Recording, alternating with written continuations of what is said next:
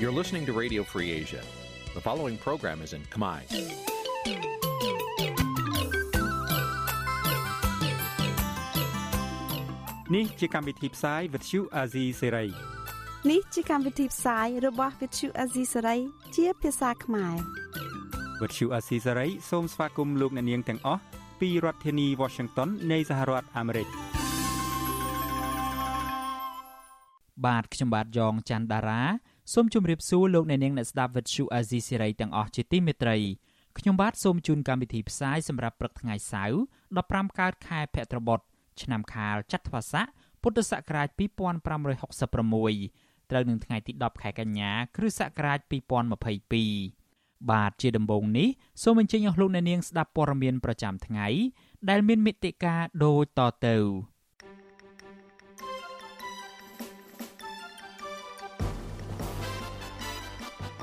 ក្រុមប្រឹក្សាជាប់ឆ្នោតគណៈបកភ្លើងទៀនស្បត់សច្ចាបំរើពលរដ្ឋម្ចាស់ឆ្នោត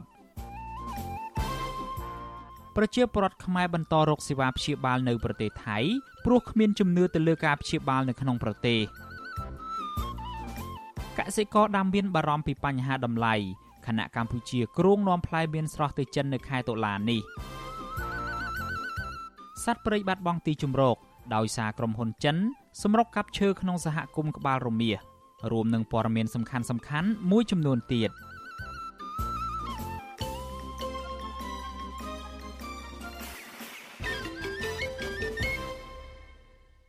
បាទជាបន្តទៅទៀតនេះខ្ញុំបាទយ៉ងច័ន្ទដារាសូមជូនព័ត៌មានទាំងនេះពិស្ដាមេដឹកនាំគណៈបកភ្លើងទៀនរួមទាំងសមាជិកក្រុមប្រឹក្សាជាប់ឆ្នោតនៃគណៈបកនេះសរុបជាង100នាក់បាននាំគ្នាធ្វើពិធីសច្ចាប្រណិធាន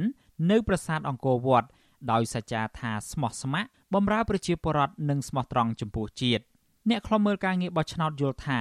ការសច្ចាប្រណិធាននេះគឺជាការប្រតិបត្តិតាមទំនៀមទម្លាប់ខ្មែរនិងអាចបន្ថែមទម្ងន់ពីលើកម្មវិធីនយោបាយរបស់គណៈបកនេះថែមទៀតដែលធ្វើឲ្យអ្នកគ្រប់គ្រងគណៈបកភ្លើងទៀនកាន់តែមានជំនឿ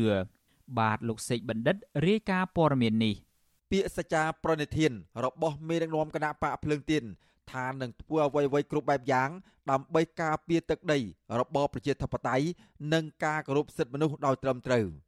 ពួកគេថានឹងបំពេញការងារដោយស្មោះស្ម័គ្រនិងស្មោះត្រង់ក្នុងនាមជាមហាគ្រួសារនៃគណៈបកភ្លើងទៀនដើម្បីមានឱកាសចូលរួមបម្រើជាតិមាតុភូមិ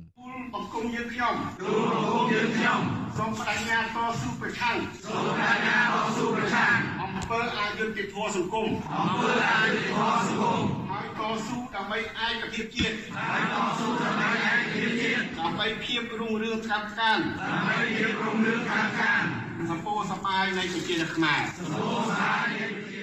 អនុប្រធាននិងជាអ្នកនាំពាក្យគណៈបកភ្លើងទៀនលោកថៃសេដ្ឋាបានឲ្យវិទ្យុអសីសេរីដឹងនៅថ្ងៃទី9កញ្ញាថាគណៈបកភ្លើងទៀនមានការបដិញ្ញាចិត្តខ្ពស់ក្នុងការបំពេញការងាររបស់ខ្លួន ក្នុងបបផែតជាតិមាតុភូមិលោកឲ្យដឹងទៀតថា មុនឈានចូលដល់ការធ្វើពិធីសច្ចាប្រណិធាននេះថ្នាក់ដឹកនាំគណៈបកភ្លើងទៀនបានជួបជុំពិភាក្សាយោបល់គ្នា ក្នុងការធ្វើកម្មវិធីនយោបាយគណៈបកដោយយកតាមគំរូព្រះមហាក្សត្រនិងបព្វបរោះខ្មែរ ជាការបដិញ្ញាចិត្តរបស់ក្រុមនៃគណៈបកភ្លឹងទៀនក្នុងការតស៊ូនឹងប្រទេសជាតិយមពុះមុខវិនិខណ្ឌរបស់ព្រះមហាវីរក្សត្រតែយើងស្មោះត្រង់នឹងជាតិរបស់យើងស្មោះត្រង់នឹងប្រជាពលរដ្ឋរបស់យើងក្នុងការតស៊ូនេះគឺដើម្បីផលប្រយោជន៍ជាតិមាតុភូមិរបស់យើងតែប៉ុណ្ណោះទេមេដឹកនាំគណៈបកភ្លើងទៀនធ្វើសច្ចាប្រណិធាននាពេលនេះ ដណ្ដើមកៅអីក្រមប្រឹក្សាឃុំសង្កាត់បានជាង2000កន្លែងទូទាំងប្រទេសក្នុងការបោះឆ្នោតជ្រើសរើសក្រុមប្រឹក្សាឃុំសង្កាត់កាលពីថ្ងៃទី5ខែមិថុនាដែលជាការប្រកួតមួយពោពេញដោយការគៀបសង្កត់និងការធ្វើទុកបុកម្នេញពីអាជ្ញាធររដ្ឋសមាជិកក្រុមប្រឹក្សាសង្កាត់ជាប់ឆ្នោតនៃគណៈបកភ្លើងទៀនម្នាក់លោកខឿនវិរៈដែលបានចូលរួមនៅក្នុងពិធីសច្ចាប្រណិធាននេះដែរបានលើកឡើងថាលោកមានឆន្ទៈ ដូចគ្នាទៅនឹងឆន្ទៈរួមរបស់គណៈបកនេះដែរគឺធ្វើដំណើរចូលរួមការបោះឆ្នោតឆ្នាំ2023ខាងមុខលោកខឿនវិរៈអះអាងទៀតថា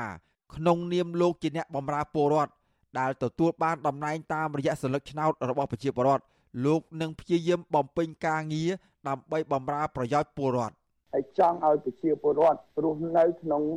ជីវភាពមួយដែលទទួលយកបានទាំងអស់គ្នាទាំងអ្នកមានក៏រស់បានទាំងអ្នកក្រក៏រស់បានទាំងបកកណ្ដាលក៏រស់បានទាំងបកប្រឆាំងក៏រស់បានមិនយកខ្មែរណាជាស្ត្រីមេដឹកនាំគណៈបកភ្លើងទៀនជាង100នាក់ដែលបានទៅធ្វើពិធីសច្ចាប្រណិធាន នៅមុខប្រាសាទអង្គរវត្តខេត្តសៀមរាប កាលពីថ្ងៃទី8ខែកញ្ញារួមមាន ប្រធានគណៈបកអនុប្រធាន ប្រធានក្រុមការងារតាមបណ្ដាខេត្ត និងសមាជិកក្រុមប្រឹក្សាឃុំសង្កាត់គណៈបកក្រៅពីការធ្វើសច្ចាប្រណិធានគណៈបកភ្លើងទៀនក៏ធ្វើពិធីរំលឹកគុណអតីតព្រះមហាក្សត្រនិងមហាបុព្វបុរសខ្មែរផងដែរទោះយ៉ាងណាអ្នកនាំពាក្យគណៈបកប្រជាជនកម្ពុជាលោកសុកអេសាននិយាយថា អ្នកនយោបាយដែលឈានដល់នាំគ្នាទៅធ្វើស្បត់ស្បាយបែបនេះជាអ្នកនយោបាយអស់សង្ឃឹមលោកថ្លែងបែបចំអកទៀតថាគណៈបកភ្លើងទៀន អាចមានវាសនាដោយគណៈបកសង្គ្រោះជាតិដែរដែលនឹងបាត់វត្តមានពីទីលានប្រកួតប្រជែងនយោបាយនៅកម្ពុជា។លើងទៀនហើយនឹងអតីតសង្គ្រោះជាតិมันខុសគ្នាទេវាតែមួយចឹងគេទៅស្បត់កោវត្តសិតតែចាញ់សមុទ្រនឹងកោវត្តទាំងអស់ចឹងបានអាលាយដឹងអីចាំមើលមើលឲ្យទៅស្បត់ញយនេះអាលាយដូចគ្នាហ្នឹងហើយកាលសង្គ្រោះជាតិទៅស្បត់នឹងស្អីជំរុញឆន្ទៈហើយជំរុញឆន្ទៈតៈឆាន់បដ ாய் ចំណែកនាយកប្រតិបត្តិអង្គការឃ្លាំមើលការបោះឆ្នោតនៅកម្ពុជាហៅកាត់ថា NAFIC លោកសំគុណធីមីយល់ថាការធ្វើពិធីសច្ចាប្រណិធាន របស់មេដឹកនាំគណៈបកភ្លើងទៀននាពេលនេះគឺនឹងធ្វើឲ្យគណៈបកកើនប្រជាប្រិយភាពទៅវិញទេ លោកបន្តថាការធ្វើពិធីសាសនានេះជាការបន្ថែមទង្វើលើកម្មវិធីនយោបាយរបស់គណៈបកភ្លើងទៀនបន្ថែមទៀតដែលជាការផ្ដល់ទំនុកទុកចិត្តកាន់តែខ្ពស់ដល់អ្នកគ្រប់គ្រងរបស់គណៈបកនេះ វាជាការល្អព្រោះគឺកម្មវិធីនយោបាយគណៈបកគាត់មានស្រាប់ណាលោកតាមប្រពៃណីខ្មែរបើជំនឿគឺច្រើនធ្វើពិធីបន់ស្រន់សច្ចាព្រមធានស្បត់បាយអញ្ចឹងណាយើងគិតទៅជំនឿឲ្យឲ្យព្រះជាសាស្អីដឹងលឺអញ្ចឹងណាបន្ថែមលើកម្មវិធីនយោបាយទៀតអាហ្នឹងនេះធ្វើឲ្យអ្នកគ្រប់គ្រងរឹតតែមានជំនឿមាំជាងមុនណាខ្លាំងជាងមុនណាបាទលោកសំគុណធីមីយល់ថា ដើម្បីឲ្យគណៈបកคล้ายជាគណៈបកផ្ដល់ក្តីសង្ឃឹមដល់ពលរដ្ឋគឺទាមទារឲ្យគណៈបកនេះធ្វើសកម្មភាពជាក់ស្ដែងក្នុងការបម្រើពលរដ្ឋឲ្យកាន់តែសកម្មថែមទៀតនិងមានកិច្ចសហការល្អជាមួយនឹងគណៈបកនានារួមទាំងគណៈបកកណ្ដាលអំណាចផងដែរគណៈបកភ្លើងទៀនដែលមានការចូលរួមពីអតីតមន្ត្រីគណៈបកសង្គ្រោះជាតិបានក្លាយជាគណៈបកប្រឆាំងទី1ដែលទទួលបានសម្លេងឆ្នោតជាង60ម៉ឺនសម្លេង ដែលជាសម្លេងច្រើនជាងគេនៅក្នុងការបោះឆ្នោតថ្នាក់ក្រោមជាតិកាលពីពេលថ្មីថ្មីនេះក្នុងចំណោមគណៈបកនយោបាយនានារួមទាំងគណៈបកដែលកើតចេញពីអតីតគណៈបកសង្គ្រោះជាតិគណៈបកនេះរក្សាជំហរចូលរួមប្រគួតប្រជែងជាមួយនឹងគណៈបកកណ្ដាលអំណាចក្នុងការបោះឆ្នោតជ្រើសរើសតំណាងរាស្ត្រនៅឆ្នាំ2023ខាងមុខខ្ញុំបាទសេកបណ្ឌិតវុទ្ធុអាស៊ីសេរីពីរដ្ឋធានីវ៉ាស៊ីនតោនបាទលោកនៅនាងជាទីមេត្រី ពាក់ព័ន្ធទៅនឹងអ្នកជាប់ឃុំនយោបាយឯណោះវិញប្រពន្ធនឹងមេធាវីការពីក្តីសកម្មជនគណៈបកប្រឆាំងនៅខេត្តឧត្តរមានជ័យស្នើសាលាឧទ្ធរបាត់ដំបងទម្លាក់ចោលបទចោទប្រកាន់និងដោះលែងលោកសុកវុលពីពន្ធនាគារឲ្យមានសេរីភាពវិញនៅថ្ងៃសវនាការខាងមុខពួកគេនៅតែចាត់ទុកករណីនេះថាជារឿងនយោបាយស្របពេលមន្ត្រីសង្គមស៊ីវិលជំរុញឲ្យរដ្ឋាភិបាលបញ្ឈប់ការធ្វើទុកបុកម្នេញផ្នែកនយោបាយព្រមទាំងស្ដារសិទ្ធិមនុស្សនិងប្រជាធិបតេយ្យឡើងវិញ បាទលោកជាតិចំណានរាយការណ៍ព័ត៌មាននេះប្រពន្ធសកម្មជនគណៈបកប្រឆាំងដែលកំពុងជាប់ពន្ធនាគារលោកសុកវិលគឺលោកស្រីភុនធុនប្រាប់វិសុអស៊ីស្រីនៅថ្ងៃទី9ខែកញ្ញាថា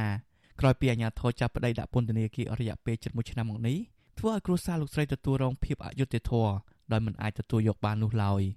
ប្រពន្ធសកម្មជនគណៈបកប្រឆាំងរូបនេះឲ្យដឹងថាលោកស្រីពុំសូវទៅផ្ញើម្ហូបអាហារថ្នាំពេទ្យនិងសម្ភារៈផ្សេងៗឲ្យប្តីនោះទេពីព្រោះជីវភាពគ្រួសារក្រីក្រ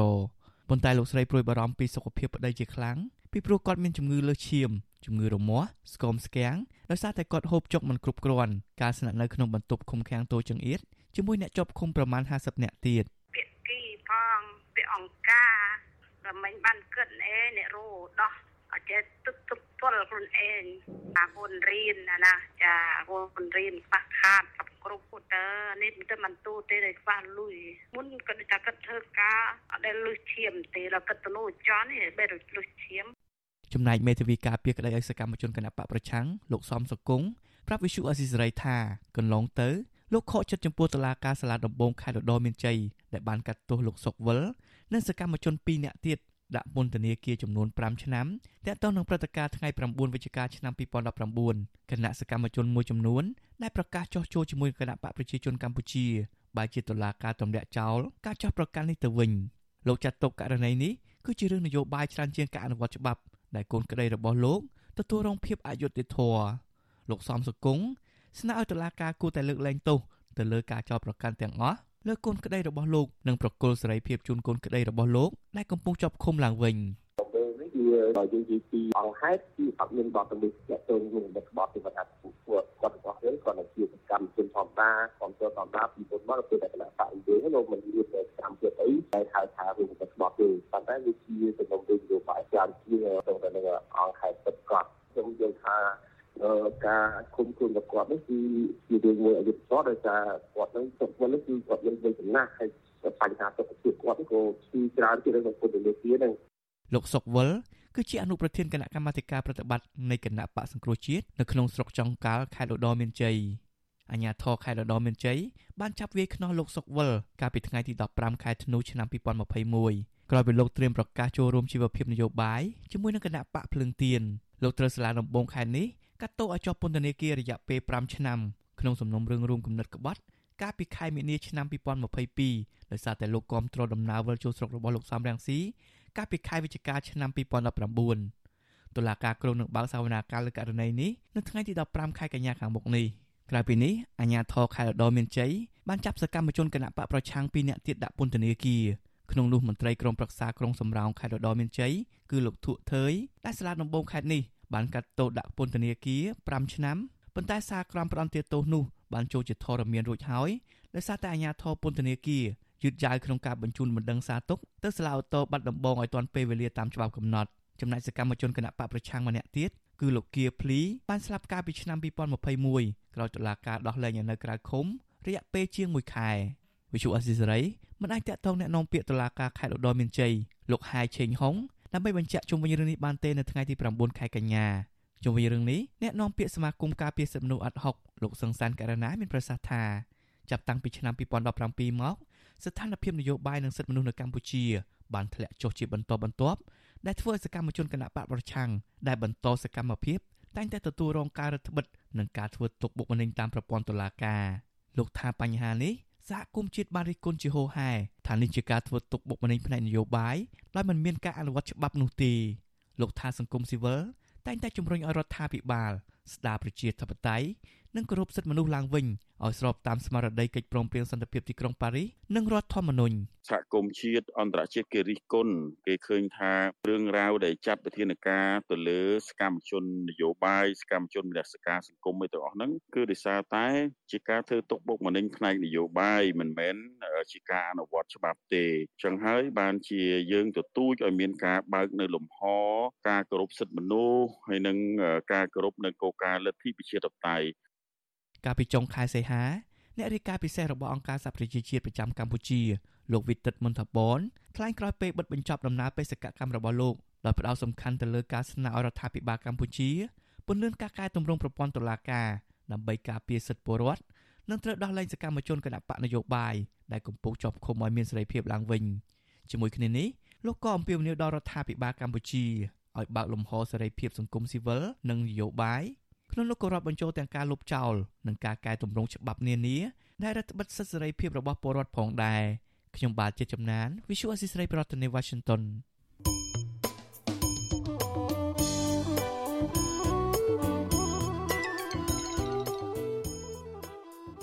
លោកអ្នកនាងជាទីមេត្រី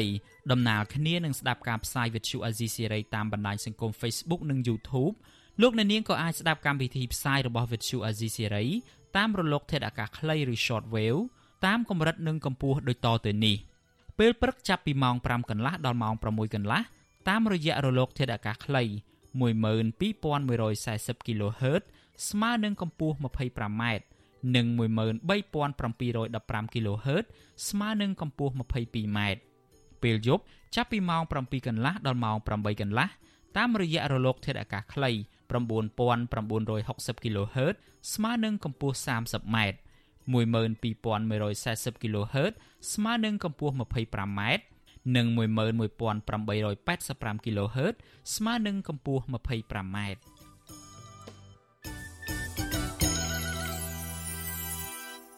លោកអ្នកនាងកំពុងស្ដាប់ការផ្សាយរបស់ Vuthu Azizi Serai ពីរដ្ឋធានី Washington នៃសហរដ្ឋអាមេរិកពាក់ព័ន្ធទៅនឹងបញ្ហាសាលាក្តីខ្មែរក្រហមឯណោះវិញ សាលាក្តីខ្មែរក្រហម កាលពីថ្ងៃទី8ខែកញ្ញាបានសម្របសម្រួលកិច្ចប្រជុំរបស់ក្រុមការងារថ្មីនៃអង្គការសង្គមស៊ីវិលពាក់ព័ន្ធទៅនឹងការងារបច្ចុប្បន្ននិងអនាគតដែលបំពេញសេចក្តីត្រូវការរបស់ជនរងគ្រោះដែលរស់រានពីរបបខ្មែរក្រហមកិច្ចប្រជុំនេះមានតំណាងអង្គការសង្គមស៊ីវិលចំនួន9ចូលរួមព្រមទាំងបុគ្គលិករបស់សាលាក្តីខ្មែរក្រហម និងសហមេធាវីនាំមុខតំណាងដើមបណ្ដឹងរដ្ឋបវេនីអង្គជំនុំជម្រះវិសាមញ្ញនៅក្នុងតុលាការកម្ពុជា ហៅកាត់ថាអវតកឬសាលាក្តីខ្មែរក្រហមឲ្យដឹងនៅក្នុងសេចក្តីប្រកាសព័ត៌មានកាលពីថ្ងៃទី9ខែកញ្ញាថាកិច្ចប្រជុំនេះសម្រាប់បង្កើតក្រុមការងារថ្មីមួយនៅក្នុងនោះរួមទាំងផែនការកំណត់ឲ្យមានលេខាធិការដ្ឋានអព្យាក្រឹតមួយដឹកនាំដោយអង្គការសង្គមស៊ីវិលនិងអវតកដើម្បីសម្របសម្រួលសកម្មភាពនិងការបដិញ្ញាចិត្តរបស់ខ្លួននៅក្នុងការរៀបចំកិច្ចប្រជុំប្រចាំខែរហូតដល់ដំណាច់ឆ្នាំ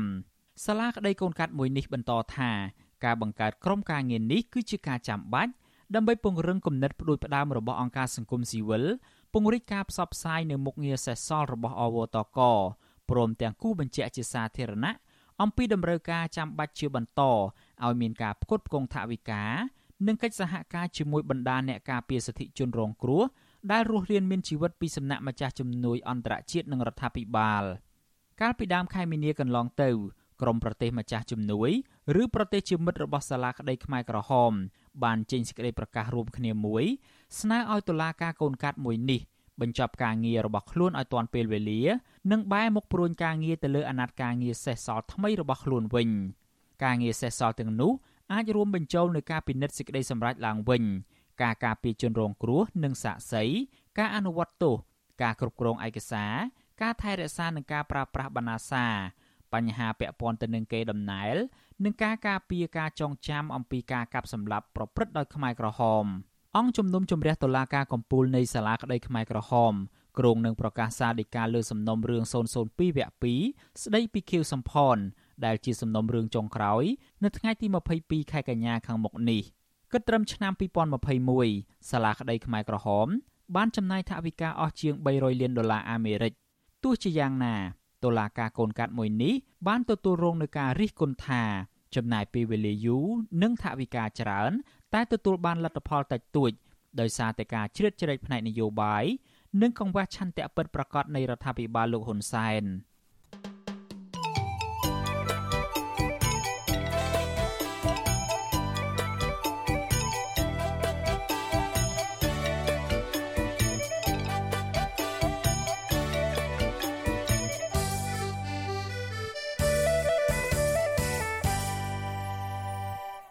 បាទលោកអ្នកនាងជាទីមេត្រីតកតងទៅនឹងកិច្ចប្រជុំគណៈរដ្ឋមន្ត្រីកាលពីថ្ងៃទី9ខែកញ្ញាម្សិលមិញនោះវិញគណៈរដ្ឋមន្ត្រីបានអនុម័តសេចក្តីព្រាងគោលនយោបាយចំនួន3តកតងទៅនឹងការអភិវឌ្ឍជាតិសេចក្តីព្រាងទាំង3នេះរួមមានសេចក្តីព្រាងគោលនយោបាយអភិវឌ្ឍវិស័យប្រៃសណីឆ្នាំ2022ដល់ឆ្នាំ2030ដើម្បីពង្រឹងនិងពង្រីកការផ្តល់សេវាប្រៃសណីឲ្យបានទូលំទូលាយគុណភាព ប្រសិទ្ធភាពសុវត្ថិភាព និងអាចជឿទុកចិត្តបាន ការធ្វើពិពិធកម្មសេវាកម្មប្រៃសណីនិងការធ្វើអាជីវកម្មផ្ដល់សេវាប្រៃសណីនិងជំរុញការធ្វើទំនើបកម្មនិងប្រើប្រាស់បច្ចេកវិទ្យា Digital ជាដើម ចំណែកទី2គឺសេចក្តីព្រាងរបាយការណ៍ពាក់កណ្ដាលអាណត្តិឆ្នាំ2021នៃការអនុវត្តផែនការយុទ្ធសាស្ត្រអភិវឌ្ឍជាតិឆ្នាំ2019ឆ្នាំ2023ត្រូវបានរៀបចំឡើងក្រោយពីផែនការជាតិនេះបានអនុវត្តរយៈពេល2ឆ្នាំកន្លះ។ ពិនិត្យឡើងវិញនឹងការកែសម្រួលបណ្ដាវិធានការគោលនយោបាយនានាតាមវិស័យសម្រាប់ក្រសួងស្ថាប័នដែលបានកំណត់និងចុងក្រោយគឺសេចក្តីព្រាងគោលនយោបាយជាតិអភិវឌ្ឍវិស័យកសិកម្មឆ្នាំ2022ដល់2030នៅក្នុងគោលបំណងជំរុញកំណើនវិស័យកសិកម្មតាមរយៈការបង្កើនផលិតភាពពិពិធកម្មនិងការធ្វើពាណិជ្ជកម្មវិស័យកសិកម្មប្រកបដោយការប្រកួតប្រជែងនិងបរិយាបន្នជាដើម លោកអ្នកនាងជាទីមេត្រីវិទ្យុអាស៊ីសេរីសូមជូនដំណឹងថាយើងគ្មានអ្នកយកព័ត៌មានប្រចាំនៅប្រទេសកម្ពុជាទេប្រសិនបើមានជនណាម្នាក់អះអាងថាជាអ្នកយកព័ត៌មានឲ្យវិទ្យុអាស៊ីសេរីនៅកម្ពុជានោះគឺជាការក្លែងបន្លំយកឈ្មោះអាស៊ីសេរីទៅប្រើនៅក្នុងគោលបំណងទុច្ចរិតណាមួយរបស់បុគ្គលនោះតែប៉ុណ្ណោះបាទសូមអរគុណ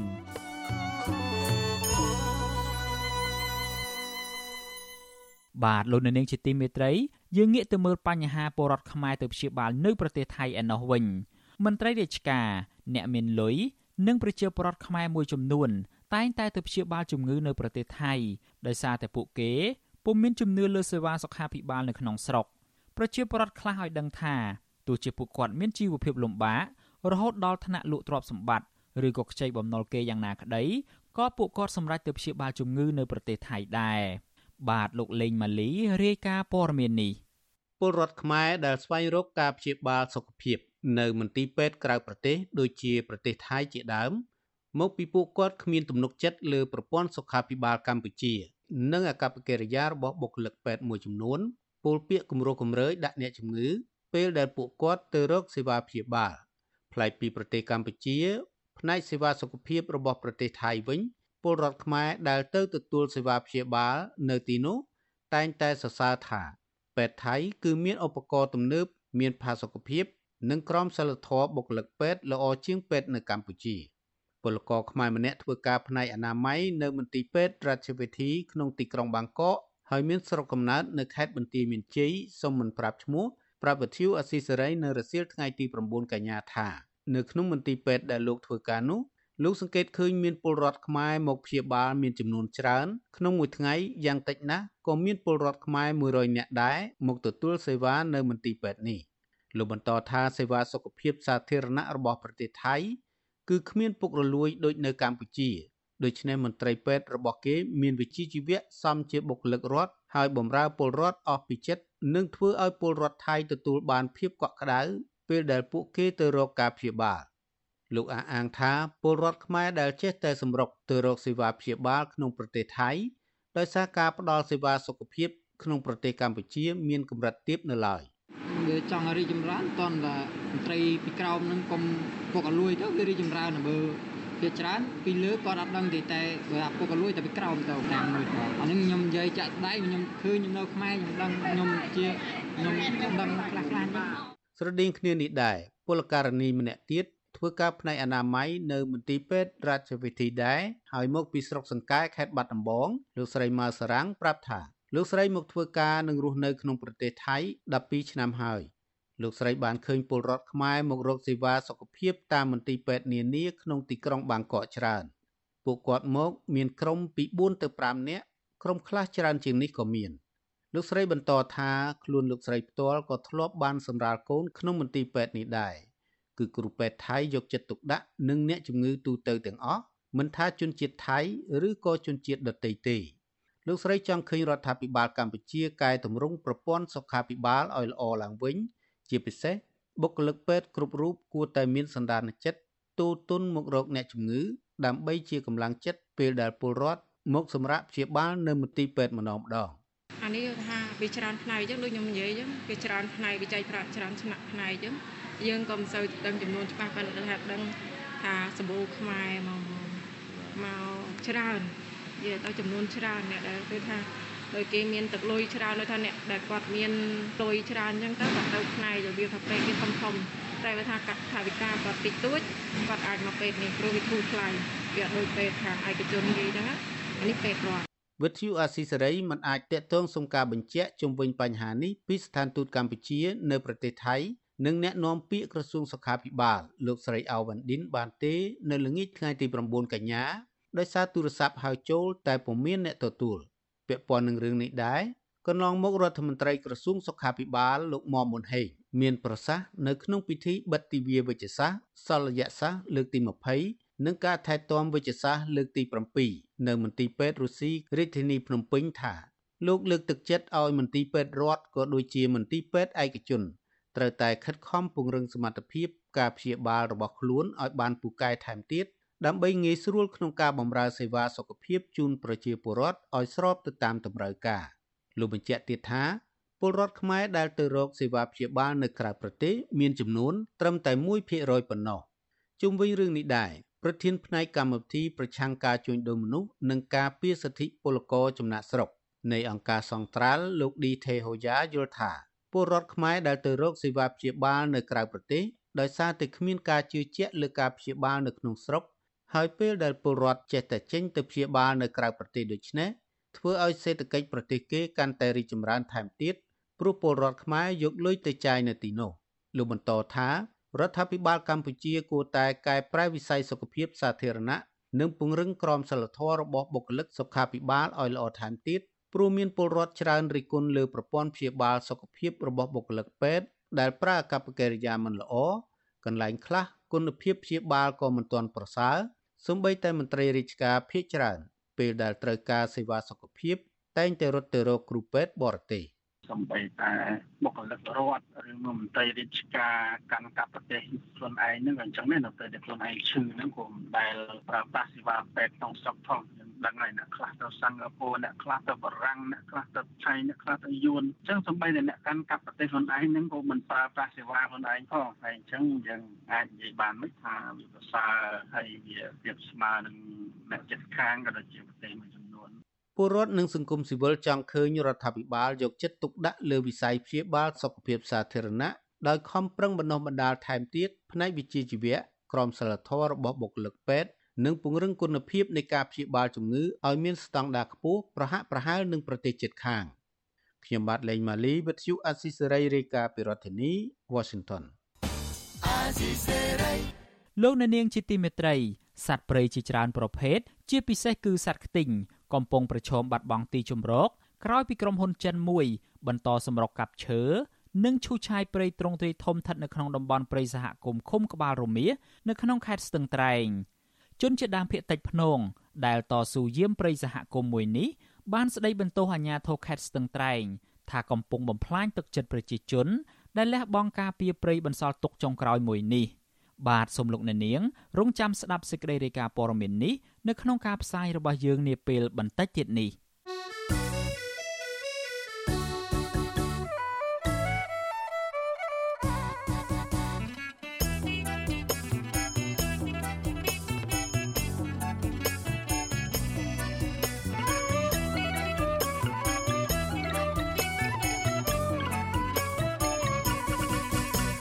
បាទលោកនៅនាងជាទីមេត្រីជុំវិញរឿងលបែងស៊ីសងឯនេះវិញអគ្គលេខាធិការដ្ឋាននៃគណៈកម្មការគ្រប់គ្រងលបែងពាណិជ្ជកម្មកម្ពុជាជំរុញឲ្យអាជ្ញាធរបង្ក្រាបនិងបិទបនលបែងស៊ីសងខុសច្បាប់ទាំងអស់នៅតាមមូលដ្ឋានដោយសារការងារទាំងនោះស្ថិតនៅក្រោមដែនសមត្ថកិច្ចរបស់ក្រសួងមហាផ្ទៃមន្ត្រីសង្គមស៊ីវិលលើកឡើងថារដ្ឋាភិបាលមិនគួរអនុញ្ញាតឲ្យមានវត្តមានលបែងស៊ីសងគ្រប់ប្រភេទនៅក្នុងប្រទេសកម្ពុជាឡើយ គណៈក្រសួងពាក់ព័ន្ធត្រូវមានវិធានការទប់ស្កាត់នៅតាមមូលដ្ឋាន បាទសូមលោកអ្នកនាងស្ដាប់សេចក្តីរាយការណ៍ព័ត៌មាននេះរបស់លោកថាថៃដូចតទៅគណៈកម្មការគ្រប់គ្រងលបែងពាណិជ្ជកម្មកម្ពុជានៃក្រសួងសេដ្ឋកិច្ចនិងហិរញ្ញវត្ថុជំរុញឲ្យអាជ្ញាធរមានសមត្ថកិច្ចតាមមូលដ្ឋានចោះអន្តរាគមន៍បង្ក្រាបនិងបិទអាជីវកម្មបនលបែងអនឡាញគ្រប់ប្រភេទដែលកំពុងរីកដុះដាលចូលក្នុងសហគមន៍អគ្គលេខាធិការនៃគណៈកម្មការគ្រប់គ្រងលបែងពាណិជ្ជកម្មលោករស់ភិរុន ប្រាប់វិទ្យុអាស៊ីសេរីនៅថ្ងៃទី9ខែកញ្ញាថាគណៈកម្មការមួយនេះកំពុងសិក្សាវិតម្លៃបែងចែកប្រភេទលបែងពាណិជ្ជកម្មនិងលបែងខុសច្បាប់ដើម្បីបង្កភាពងាយស្រួលដល់ក្រសួងពាក់ព័ន្ធនិងអាជ្ញាធរមូលដ្ឋានចុះអន្តរាគមន៍បញ្ឈប់អាជីវកម្មលបែងខុសច្បាប់ទាំងនោះលោកបន្តថាអាជ្ញាធរមានសមត្ថកិច្ចក្នុងមូលដ្ឋានទាំងអស់ មានសិទ្ធិបិទលបែងខុសច្បាប់ទាំងអស់ក្នុងសហគមន៍ព្រោះគណៈកម្មការគ្រប់គ្រងលបែងពាណិជ្ជកម្មកម្ពុជាមិនបានចេញអាជ្ញាប័ណ្ណឲ្យបើកអាជីវកម្មលបែងស៊ីសងតាមហាងលក់អីវ៉ាន់និងតាមហាងកាហ្វេដូចនេះឡើយ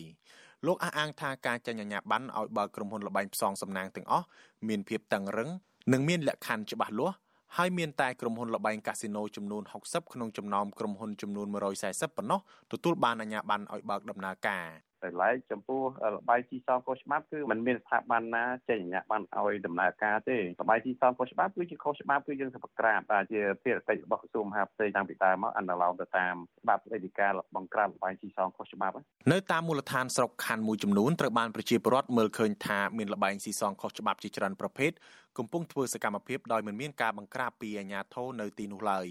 លបែងស៊ីសងខុសច្បាប់ទាំងនោះរួមមានលបែងភ្នាល់អនឡាញកន្ទុយលេខប៊ីអាប៉ោងលូតូជាដើមអាជ្ញាធរមូលដ្ឋានខ្លះត្អូញត្អែថាពួកគេមិនអាចបង្ក្រាបបានទេដោយសារម្ចាស់កន្លែងបនលបែងទាំងនោះអះអាងថាពួកគេមានអាជ្ញាប័ណ្ណពីក្រសួងសេដ្ឋកិច្ចអាជ្ញាធរលើកឡើងថាគណៈកម្មការគ្រប់គ្រងលបែងពាណិជ្ជកម្មកម្ពុជាគូបញ្ឈប់ផ្ដល់អាជ្ញាប័ណ្ណដល់ក្រុមហ៊ុនលបែងទាំងនោះ ករណីនេះអាជ្ញាធរមូលដ្ឋាននិងគណៈកម្មការគ្រប់គ្រងលបែងពាណិជ្ជកម្មកម្ពុជាកំពុងរុញទទួលការខុសត្រូវដាក់គ្នាទៅវិញទៅមកគណៈបនលបែងទាំងនោះនៅតែបន្តដំណើរការដដែលដែលជាហេតុធ្វើឲ្យប្រជាពលរដ្ឋនិងសង្គមស៊ីវិលព្រួយបារម្ភអំពីផលប៉ះពាល់ជាច្រើនដល់ប្រជាពលរដ្ឋនិងសង្គមតេតិនបញ្ហានេះវិទ្យុអាស៊ីសេរីមិនអាចតកតងแนะនាំពាក្យអគ្គស្នងការដ្ឋាននគរបាលជាតិលោកឆៃកឹមខឿននិងแนะនាំពាក្យក្រសួងមហាផ្ទៃលោកខៀវសុភ័ក្រដើម្បីសុំការអធិប្បាយបានទេនៅថ្ងៃទី9សីហាទោះជាយ៉ាងណា ប្រធានសមាគមនិស្សិតបញ្ញវន្តខ្មែរលោកកើតសារាយយល់ឃើញថារដ្ឋាភិបាលកម្ពុជាមិនគូអនុញ្ញាតឲ្យរាល់លបែងស៊ីសងគ្រប់ប្រភេទបើកប្រតិបត្តិការនៅលើទឹកដីកម្ពុជានោះឡើយលោកមើលឃើញថាវត្តមានលបែងទាំងនោះបានបង្កឲ្យមានវិបត្តិនិងផលប៉ះពាល់ជាច្រើនជាហេតុធ្វើឲ្យប្រទេសបាត់បង់ធនធានមនុស្សកម្លាំងពលកម្មប្រជាពលរដ្ឋបាត់បង់ចំណូលបង្កើនអត្រានៃភាពក្រីក្រ និងធ្វើឲ្យសិលធម៌សង្គមកាន់តែធ្លាក់ចុះ លោកលើកឡើងទៀតថាក្រសួងពាក់ព័ន្ធត្រូវមានវិធានការទប់ស្កាត់លបែងស៊ីសងខុសច្បាប់ទាំងនោះតាមរយៈការផ្ដល់សិទ្ធិស្វ័យភាពទៅអាជ្ញាធរមូលដ្ឋាន និងធានានៅប្រសិទ្ធភាពនៃការអនុវត្តច្បាប់ដោយជៀសវាងនៅការអនុវត្តរងចាំតែបទបញ្ជាពីថ្នាក់លើ។ ហើយយើងដឹងហើយប្រព័ន្ធការធ្វើការងារនៅកម្ពុជាហ្នឹងជាប្រព័ន្ធមើលតាមមុខមេទេតាមមុខមេមិនស្រស់គឺមិនហ៊ានធ្វើតលតែមុខមេស្រស់ទៅហ៊ានធ្វើអាហ្នឹងហើយដែលវាធ្វើឲ្យជឿនយ៉ាងដល់ការអនុវត្តនីតិវិធីចាត់វិធានការតាមផ្លូវច្បាប់ទៅលើលបែងស៊ីសងរដ្ឋមន្ត្រីក្រសួងមហាផ្ទៃលោកសខេងនៅថ្ងៃទី8ខែកញ្ញាបានណែនាំឲ្យអាជ្ញាធរបង្ការទប់ស្កាត់និងបង្ក្រាបរាល់បទល្មើសលួចឆក់ប្លន់លបែងស៊ីសងខុសច្បាប់និងបទល្មើសផ្សេងផ្សេងទៀតដើម្បីធានាសុវត្ថិភាពប្រជាពលរដ្ឋនិងរក្សាសន្តិភាពសាធារណៈ រយៈពេល2ឆ្នាំចុងក្រោយនេះប្រជាពលរដ្ឋសង្កេតឃើញថាមានលបែងស៊ីសងគ្រប់ប្រភេទជាពិសេសលបែងអនឡាញខុសច្បាប់រីករាលដាលដូចផ្សិតនៅក្នុងមូលដ្ឋានដែលពួកគាត់រស់នៅការកើនឡើងនិងការផ្ដល់សេរីភាពពេញទំហឹងឲ្យលបែងទាំងនោះដំណើរការត្រូវបានប្រជាពលរដ្ឋសង្ស័យថាមានការចូលដៃចូលជើងពីសំណាក់អាជ្ញាធរតាមរយៈការទទួលសំណូកលៀបសការៈឬម្ចាស់អាជីវកម្មទាំងនោះមានអ្នកមានអំណាចនៅចាំកាងពីក្រោយខ្ញុំថាថៃពីទីក្រុងមែលប៊ន thank you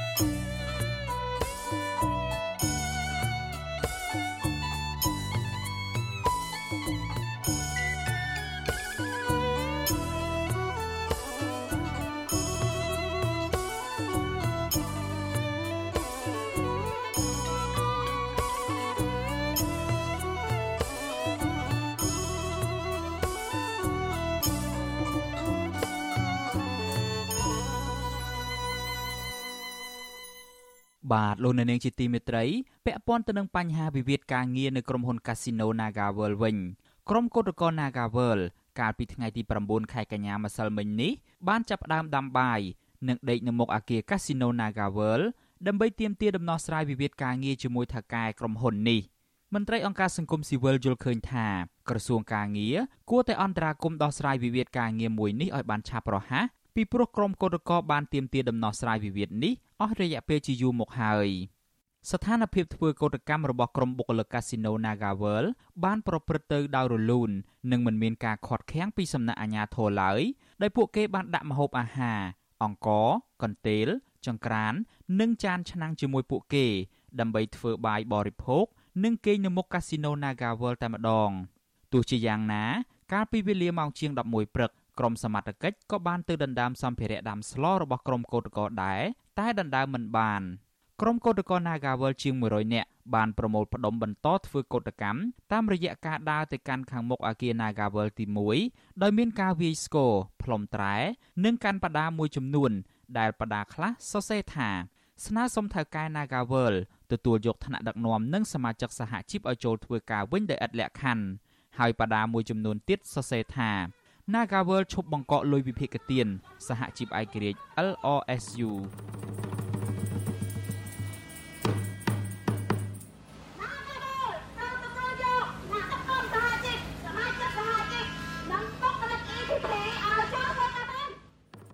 តំណាងគឧតកោ Nagawal កញ្ញាពៅរស្មីប្រាប់វិទ្យុអាស៊ីសេរីថា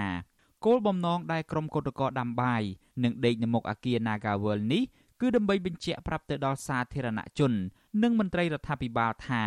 ក្រុមកោតក្របានតវ៉ាអស់រយៈពេលជាយូរមកហើយហើយវាក៏ជាពេលសំលមមដែលភិក្ខីពាក់ព័ន្ធត្រូវធ្វើអន្តរាគមន៍ដោះស្រាយវិវាទការងារនេះជូនដល់ពួកគាត់ដែរ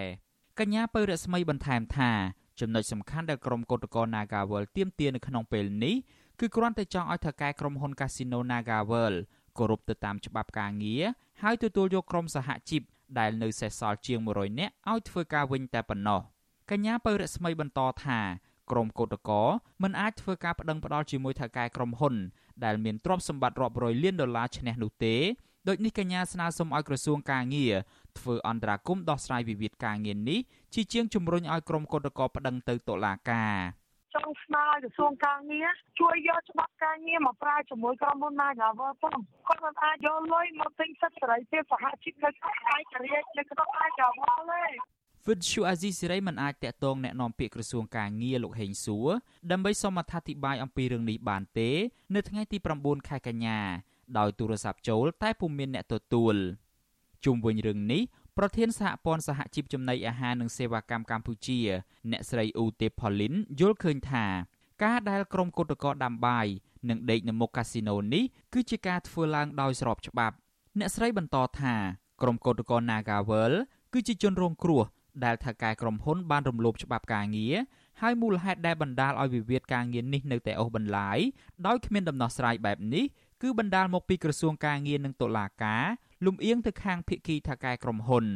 អ្នកស្រីបន្ថែមថាដំណោះស្រាយសម្រាប់វិវាទការងារមួយនេះគឺងាយស្រួលទេ គឺអាជ្ញាធរមានសមត្ថកិច្ចគួរតែបញ្ឈប់ការការពារថៅកែក្រុមហ៊ុនហើយឲ្យថៅកែក្រុមហ៊ុននេះគោរពនិងអនុវត្តច្បាប់ការងារទៅ គឺអាចដោះស្រាយបានហើយ។ ច្បាប់ស្តីពីការងារក៏មានប្រសេចែងអំពីទួលនីតិរបស់អធិការកិច្ចការងារជំរុញឲ្យនយោជកនោះអនុវត្តទៅតាមវិធានការច្បាប់ផ្សេងផ្សេងប៉ុន្តែដល់ពេលនៅស្រុកយើងវាមើលឃើញរឿងជាតិច្រើនសម្រាប់កម្មករនិយោជិតកើតឡើងគឺកម្មករមិនដែលទទួលបាននូវភាពយុត្តិធម៌ទេគឺតែងដាក់សម្ពាធចាប់ដាក់ពន្ធនាគារអីបន្តបន្តចឹងឯងពីព្រោះតែប្រព័ន្ធយុត្តិធម៌ស្រុកយើងនោះវាអត់មានសម្រាប់បណ្ណៈកម្មករអញ្ចឹងបើទោះបីច្បាប់មានចែងច្បាស់ជាក់លាក់ក៏ដោយក៏នៅតែវានៅក្នុងកណ្ដាល គិតមកដល់ពេលនេះសកម្មភាពតវ៉ារបស់ក្រុមកោតក្រ Nagawal បានអូសបន្លាយអស់រយៈពេលជាង9ខែមកហើយដោយក្នុងនោះក្រុមកោតក្រ Nagawal តែងរងការគំរាមកំហែងពីអាជ្ញាធរប្រព័ន្ធតុលាការនិងកងកម្លាំងសមត្ថកិច្ចកន្លងទៅអង្គការសង្គមស៊ីវិលជាតិនិងអន្តរជាតិព្រមទាំងអ្នករាយការណ៍ពិសេសអង្គការសហប្រជាជាតិផងតែងតែជំរុញឲ្យអាជ្ញាធរមានសមត្ថកិច្ចបញ្ឈប់ការគំរាមកំហែងមកលើក្រុមកោតក្រ Nagawal ដែលធ្វើកោតកម្មដោយអហិង្សា និងសន្តិវិធីហើយរដ្ឋាភិបាលត្រូវតែមានអន្តរាគមជួយដោះស្រាយវិវាទការងារដ៏រ៉ាំរ៉ៃមួយនេះដើម្បីលើកកម្ពស់សិទ្ធិការងារក្នុងប្រទេសកម្ពុជា ជាជាងការពីថៅកែក្រុមហ៊ុន ដែលជាជនបរទេសហើយមកធ្វើបាបប្រជាពលរដ្ឋខ្លួនឯងបែបនេះ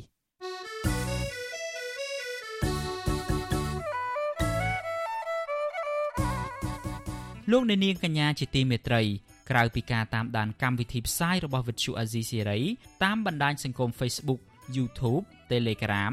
លោកអ្នកនាងក៏អាចតាមដានកម្មវិធីផ្សាយរបស់យើងតាមរយៈបណ្ដាញសង្គម Instagram របស់អាស៊ីសេរីបានដែរតាមរយៈតំណ link www.instagram.com/rfa ខ្មែរអាស៊ីសេរីបន្តខិតខំផ្សព្វផ្សាយព័ត៌មានពិតទៅកាន់បងប្អូនតាមរយៈបណ្ដាញសង្គមផ្សេងៗ និងសម្បូរបែបដើម្បីឲ្យលោកអ្នកនាងងាយស្រួលតាមដានកម្មវិធីផ្សាយរបស់យើងគ្រប់ពេលវេលា និងគ្រប់ទីកន្លែងតាមរយៈទូរស័ព្ទរបស់លោកអ្នកបាទសូមអរគុណ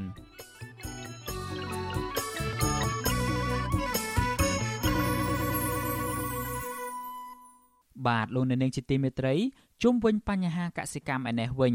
រដ្ឋបាលគយប្រទេសចិន បានអនុម័តជាផ្លូវការទទួលស្គាល់បណ្ដាចំការនិងរោងចក្រមួយចំនួនដែលវិចខ្ចប់ផ្លែឈើ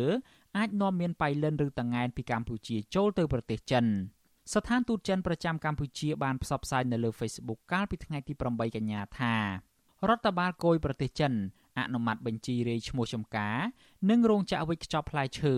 ដោយបន្ថែមឈ្មោះចំការនិងរោងចក្រដែលអនុញ្ញាតឲ្យផ្លែមានបៃលិនទៅកាន់ប្រទេសចិនបានស្ថានទូតចិនបញ្ជាក់ថានេះមានន័យថាដំណាំមានកម្ពុជា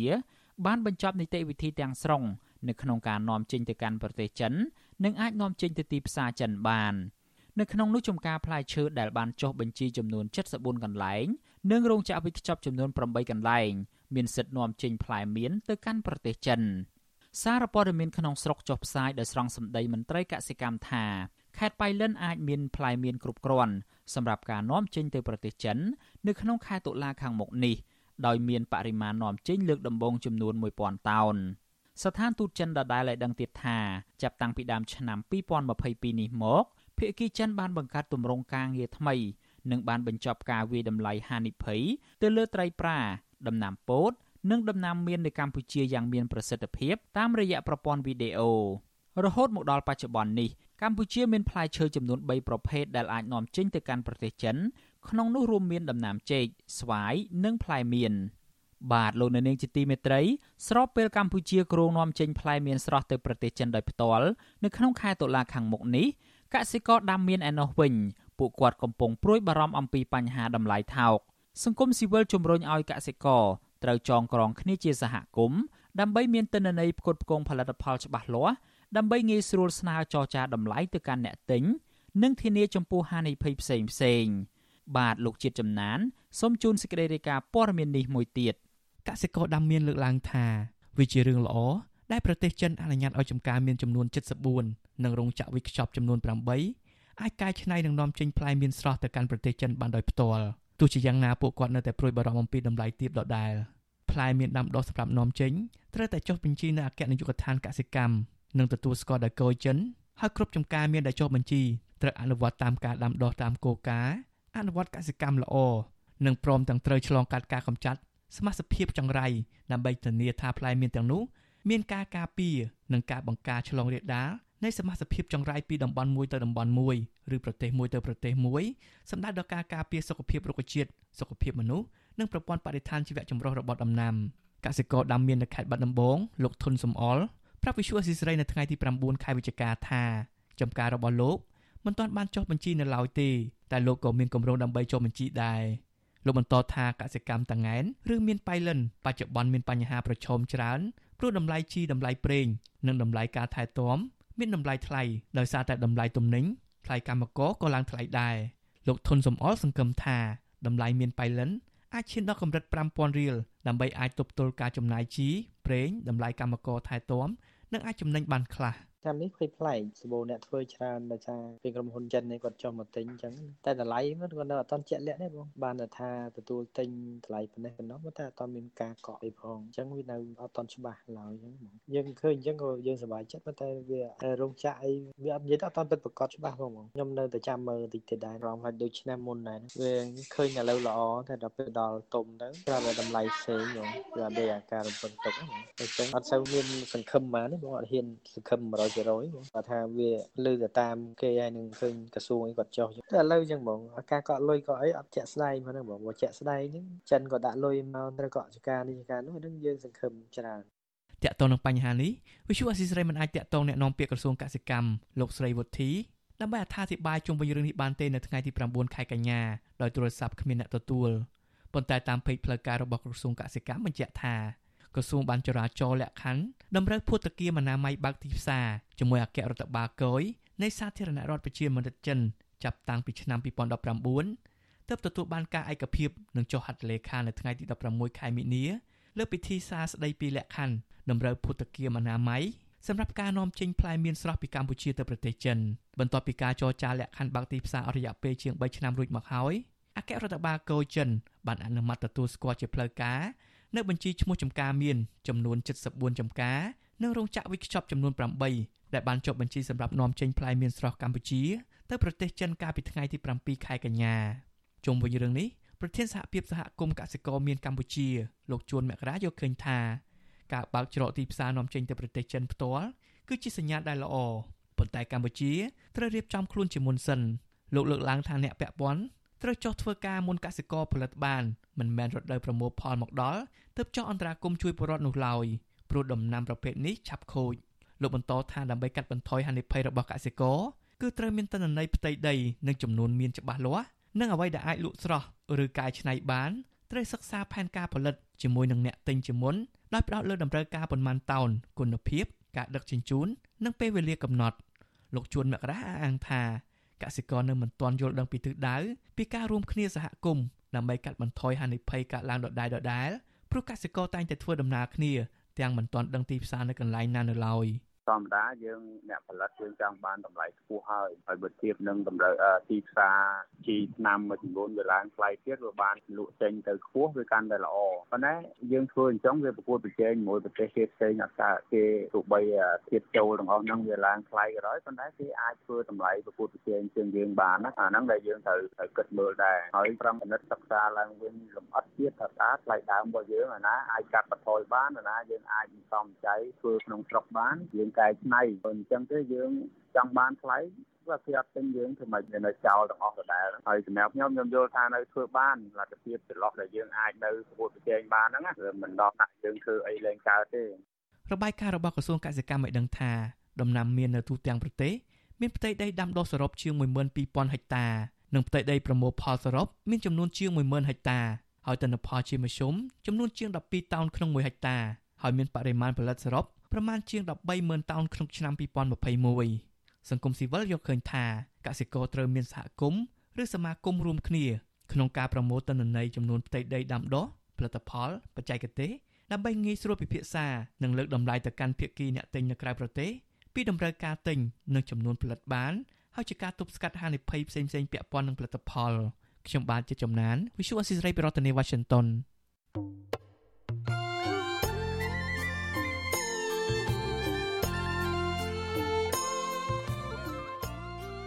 លោកអ្នកនាងជាទីមេត្រី នៅក្នុងឱកាសនេះដែរខ្ញុំបាទសូមថ្លែងអំណរគុណដល់លោកអ្នកនាងកញ្ញាទាំងអស់ដែលតែងតែមានភក្ដីភាពចំពោះការផ្សាយរបស់យើងហើយចាត់ទុកការស្ដាប់វិទ្យុអាស៊ីសេរីជាផ្នែកមួយនៃសកម្មភាពប្រចាំថ្ងៃរបស់លោកអ្នកនាង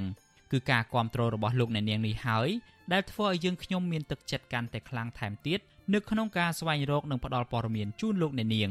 មានអ្នកស្ដាប់អ្នកទស្សនាកាន់តែច្រើនកាន់តែធ្វើឲ្យយើងខ្ញុំមានភាពស្វាហាប់មោះមុតជាបន្តទៅទៀតយើងខ្ញុំសូមអរគុណទុកជាមុនហើយសូមអញ្ជើញលោកអ្នកនាងកញ្ញាចូលរួមជំរុញឲ្យសកម្មភាពផ្តល់ព័ត៌មានរបស់យើងនេះឲ្យកាន់តែជោគជ័យបន្ថែមទៀតលោកអ្នកនាងអាចជួយយើងខ្ញុំបានដោយគ្រាន់តែចុចចែករំលែកឬ Share ការផ្សាយរបស់យើង នៅលើបណ្ដាញសង្គម Facebook និង YouTube ទៅកាន់មិត្តភ័ក្តិដើម្បីឲ្យការផ្សាយរបស់យើងបានទៅដល់មនុស្សកាន់តែច្រើន បាទសូមអរគុណ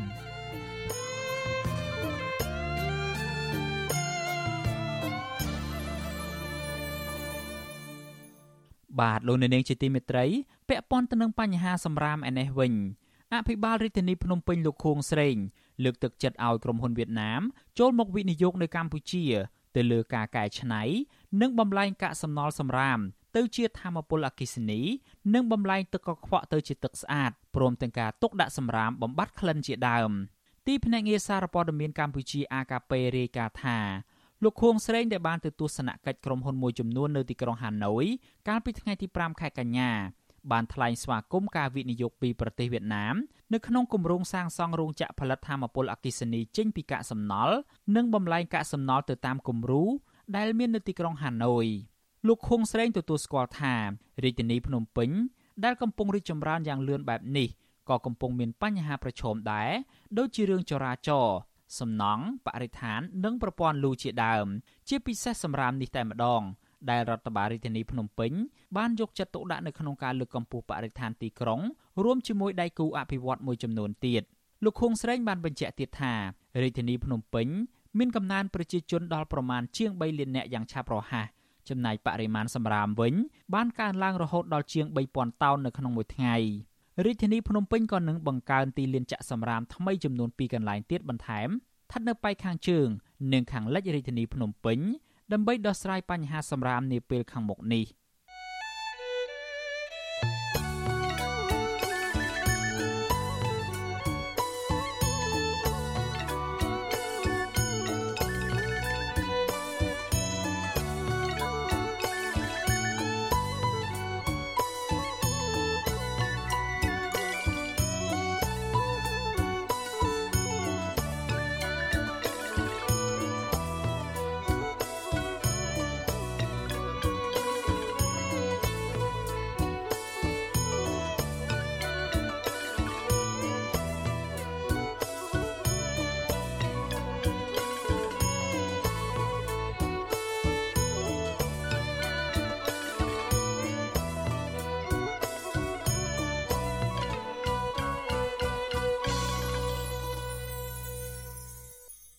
លោកអ្នកនាងជាទីមេត្រីសត្វព្រៃជាច្រើនប្រភេទជាពិសេសគឺសត្វខ្ទីងកំពុងប្រឈមបាត់បង់ទីជម្រកក្រោយពីក្រុមហ៊ុនចិនមួយ បន្តសម្រុកកាប់ឈើនិងឈូសឆាយព្រៃទ្រង់ទ្រាយធំស្ថិតនៅក្នុងតំបន់ព្រៃសហគមន៍ឃុំក្បាលរមៀនៅក្នុងខេត្តស្ទឹងត្រែងជនជាដើមភាគតិចភ្នងដែលតស៊ូយាមព្រៃសហគមន៍មួយនេះបានស្ដីបន្ទោសអាជ្ញាធរខេត្តស្ទឹងត្រែងថាកំពុងបំផ្លាញទឹកចិត្តប្រជាជន ដែលលះបង់ការពារព្រៃបន្សល់ទុកចុងក្រោយមួយនេះ បាទសូមលោកអ្នកនាងស្ដាប់សេចក្តីរាយការណ៍ព័ត៌មាននេះរបស់លោកទីនសាការីយ៉ាដូចតទៅជនជាតិដើមភាគតិចភ្នងជាច្រើនគ្រួសារនៅឃុំក្បាលរមៀសស្រុកសេសានដែលចំទាស់មិនទទួលយកគោលនយោបាយសំណងពីក្រុមហ៊ុនទំនប់វារីអគិសនីសេសានក្រោម2កំពុងប្រឈមបាត់បង់អត្តសញ្ញាណជំនឿវប្បធម៌និងប្រពៃណីក្រោយពីក្រុមហ៊ុនចិនសៀវិចបន្តសម្រុកកាប់ឈើមូលធំធំនិងឈូសឆាយព្រៃសហគមន៍ឃុំក្បាលរមៀសជាបន្តបន្ទាប់ ដោយមិនបានពិភាក្សាជាមួយតំណាងសហគមន៍នោះឡើយប្រជាសហគមន៍ទាំងនោះសង្កេតឃើញថាមកទល់ពេលនេះក្រុមហ៊ុនចិនមួយនេះនៅតែបន្តកាប់ឈើនិងឈូសឆាយដីព្រៃបំពេញចូលតំបន់ដែលសម្បូរដោយសត្វបក្សីកម្ររស់នៅ និងពងកូនរួមមានសត្វក្ងោកមាន់ព្រៃត្រយង និងត្រដកជាដើមរីឯសត្វខ្ទីងនិងសត្វព្រៃជាច្រើនក្បាលទៀតបានផ្អើលរត់ពួននៅតំបន់ផ្សេងទៀតកិច្ចពីក្រុមអ្នកកាប់ឈើ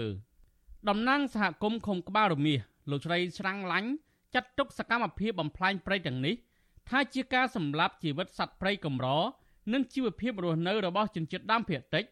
ដែលយាមព្រៃអភិរក្សនេះជាច្រើនឆ្នាំមកហើយគ្រឿងចាក់យ៉ាងហោចណាស់3គ្រឿងនិងកម្មករកាប់ឈើរាប់សិបនាក់ប្រដាប់ដល់រណាយន្តកំពុងតែបន្តបំផ្លាញដើមឈើធំធំរួមមានផ្ចឹករាំងនិងដើមឈើទាលជាដើមដែលអ្នកភូមិអាស្រ័យផល រីឯសត្វខ្ទីងស្វាព្រៃនិងបាក់សីកម្រជាច្រើនប្រភេទទៀតនឹងងាប់ជាបន្តបន្ទាប់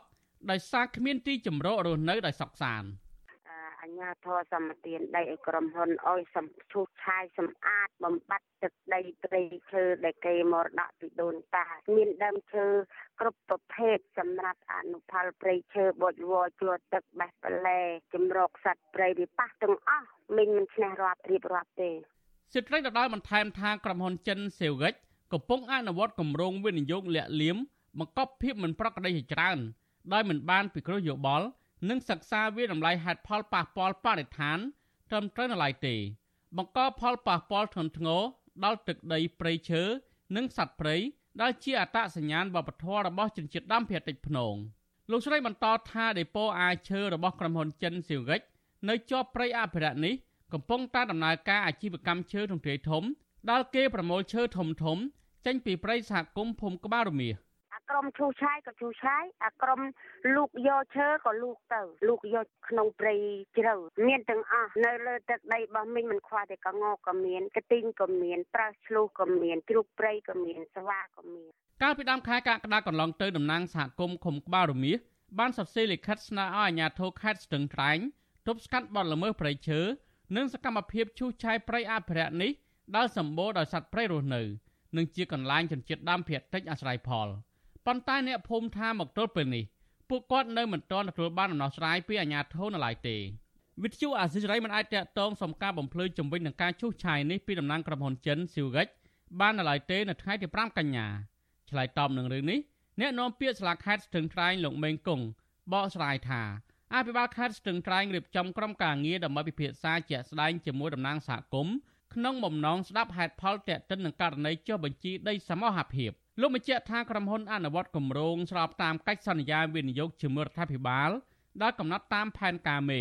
លោកអះអាងថាប្រសិនបើក្រុមហ៊ុនអនុវត្តលើសពីព្រំប្រទល់កំណត់មិនត្រឹមត្រូវរដ្ឋបាលខេត្តនឹងចាត់វិធានការតាមនីតិវិធី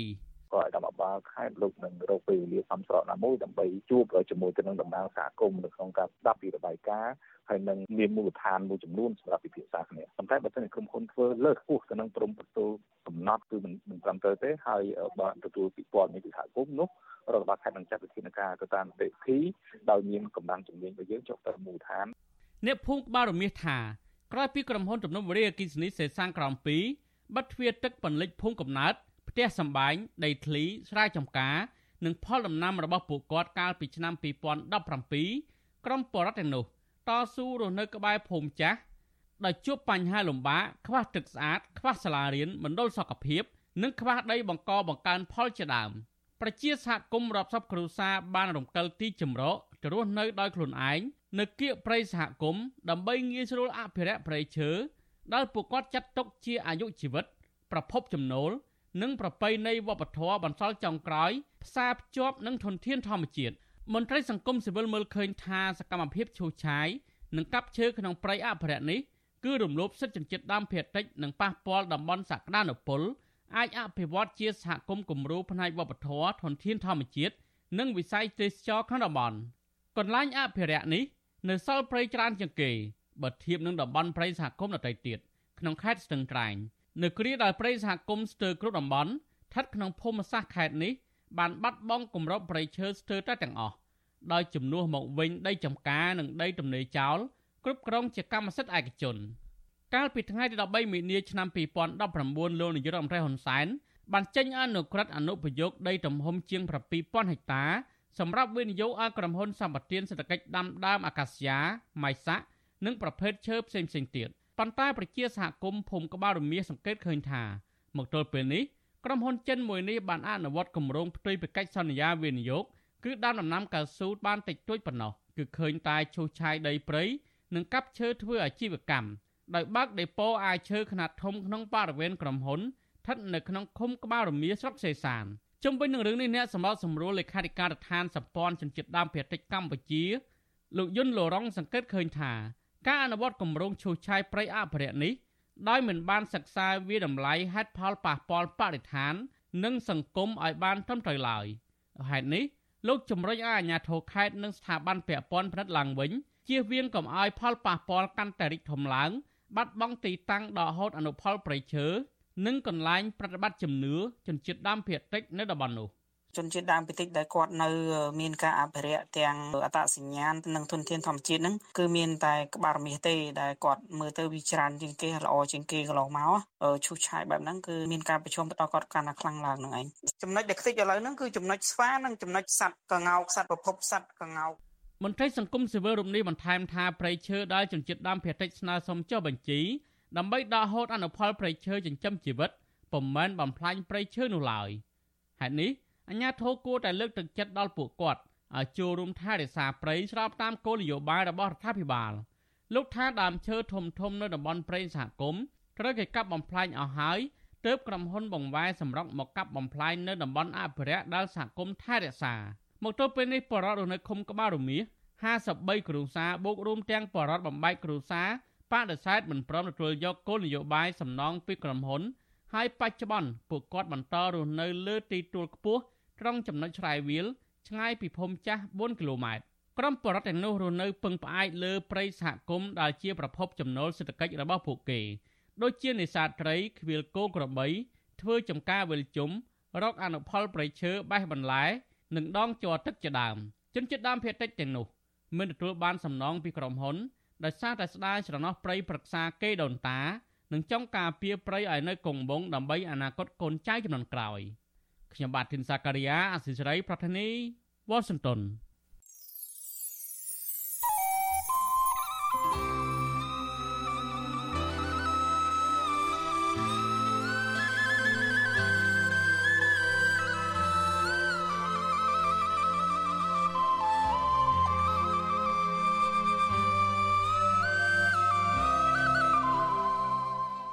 លោកអ្នកនាងជាទីមេត្រី ការផ្សាយរយៈពេល1ម៉ោងរបស់ Vuthu Azizi Siri នៅព្រឹកនេះចប់ត្រឹមតែប៉ុណ្ណេះយើងខ្ញុំសូមជូនពរដល់លោកអ្នកនាងព្រមទាំងក្រុមគ្រួសារទាំងអស់ឲ្យជួបប្រកបតែនឹងសេចក្តីសុខចម្រើនរុងរឿងកុំបីឃ្លៀងឃ្លាតឡើយខ្ញុំបាទយ៉ងច័ន្ទដារាព្រមទាំងក្រុមការងារទាំងអស់នៃ Vuthu Azizi Siri សូមអរគុណនិងសូមជម្រាបលា thank you